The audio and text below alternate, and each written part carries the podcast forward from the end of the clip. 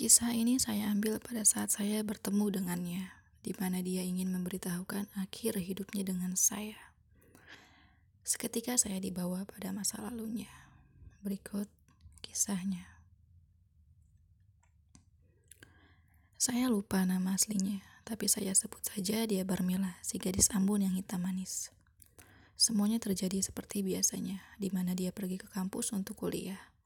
Dia duduk di depan di baris kedua dekat pintu, sedangkan saya duduk di baris keempat dari depan, tepatnya di pojok dekat jendela sebelah kiri. Tidak lama, dosen perempuan pun masuk ke dalam ruang kelas tersebut. Seperti biasa, sebelum memulai mata kuliahnya, dosen itu pun mengabsen mahasiswa. Setelah selesai, si dosen menyuruh Barmela ke depan untuk menuliskan materi yang akan dibahas pada saat itu. Barmela pun maju dan menuliskan materi tersebut. Singkat cerita, setelah dia selesai menulis materi tersebut, dia berjalan ke depan jendela sebelah kiri. Dengan alasan ingin membuka jendela tersebut karena gerah, dan berniat untuk mengganjalnya dengan ballpoint yang dia pegang. Namun tidak disangka-sangka, Barmela naik ke jendela tersebut dan berdiri, berusaha untuk mengganjal jendela tersebut. Sontak anak-anak di kelas pun panik dan bertanya-tanya, apa yang kamu lakukan Barmela? Anak-anak lain meneriakinya.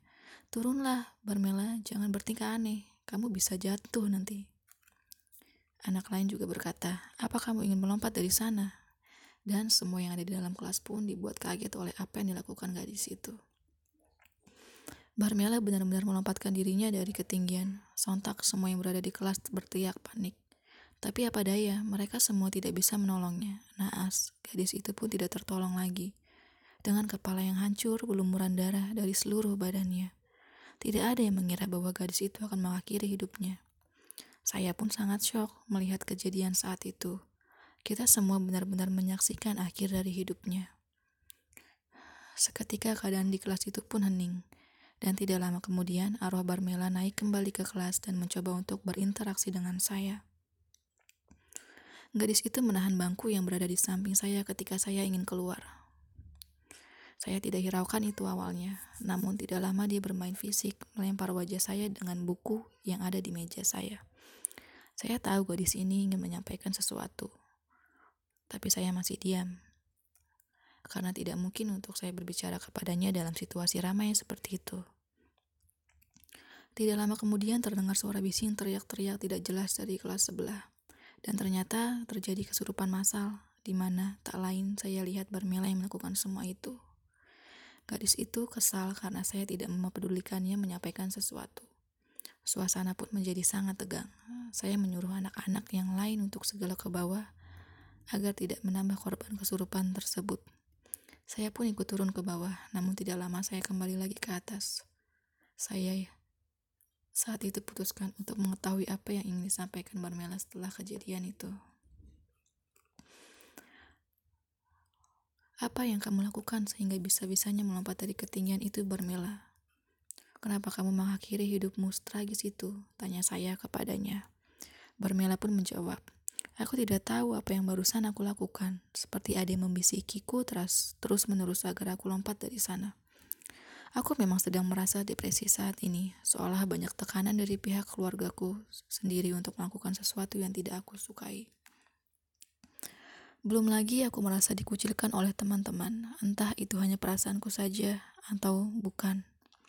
Mungkin saat ini aku sedang kosong sehingga bisa-bisanya mengikuti bisikan yang terus-menerus menyuruhku untuk lompat. Namun memang ada selintas pikiran untukku mengakhiri hidup ini. Tapi tidak dengan cara ini. Sekarang semuanya sudah berakhir sambil menangis. Terisak-isak Marbella menceritakan semuanya. Alasannya kenapa dia bisa melakukan semua itu. Aku pun ikut merasakan semua kepedihannya, sehingga ikut menangis mendengar semua itu. Lalu apa yang harus aku lakukan sekarang, Barmela? Kamu tidak bisa membuat teman-temanmu kehilangan kendali seperti ini, tanyaku. Tidak ada yang bisa kamu lakukan selain mendoakan mendoakanku dan memakamkan jenazahku dengan layak.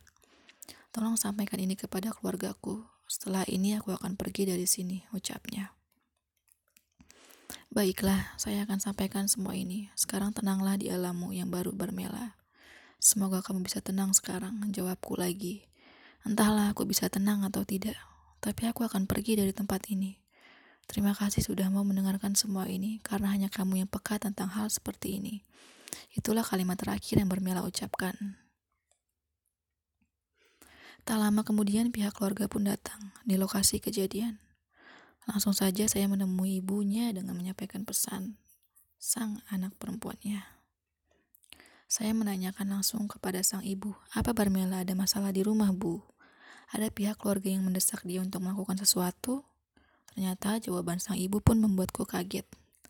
Iya, memang sedang ada perdebatan di antara kami tentang sesuatu hal. Tapi saya tidak mengira akan menjadi seperti ini, jawab sang ibu sambil menangis.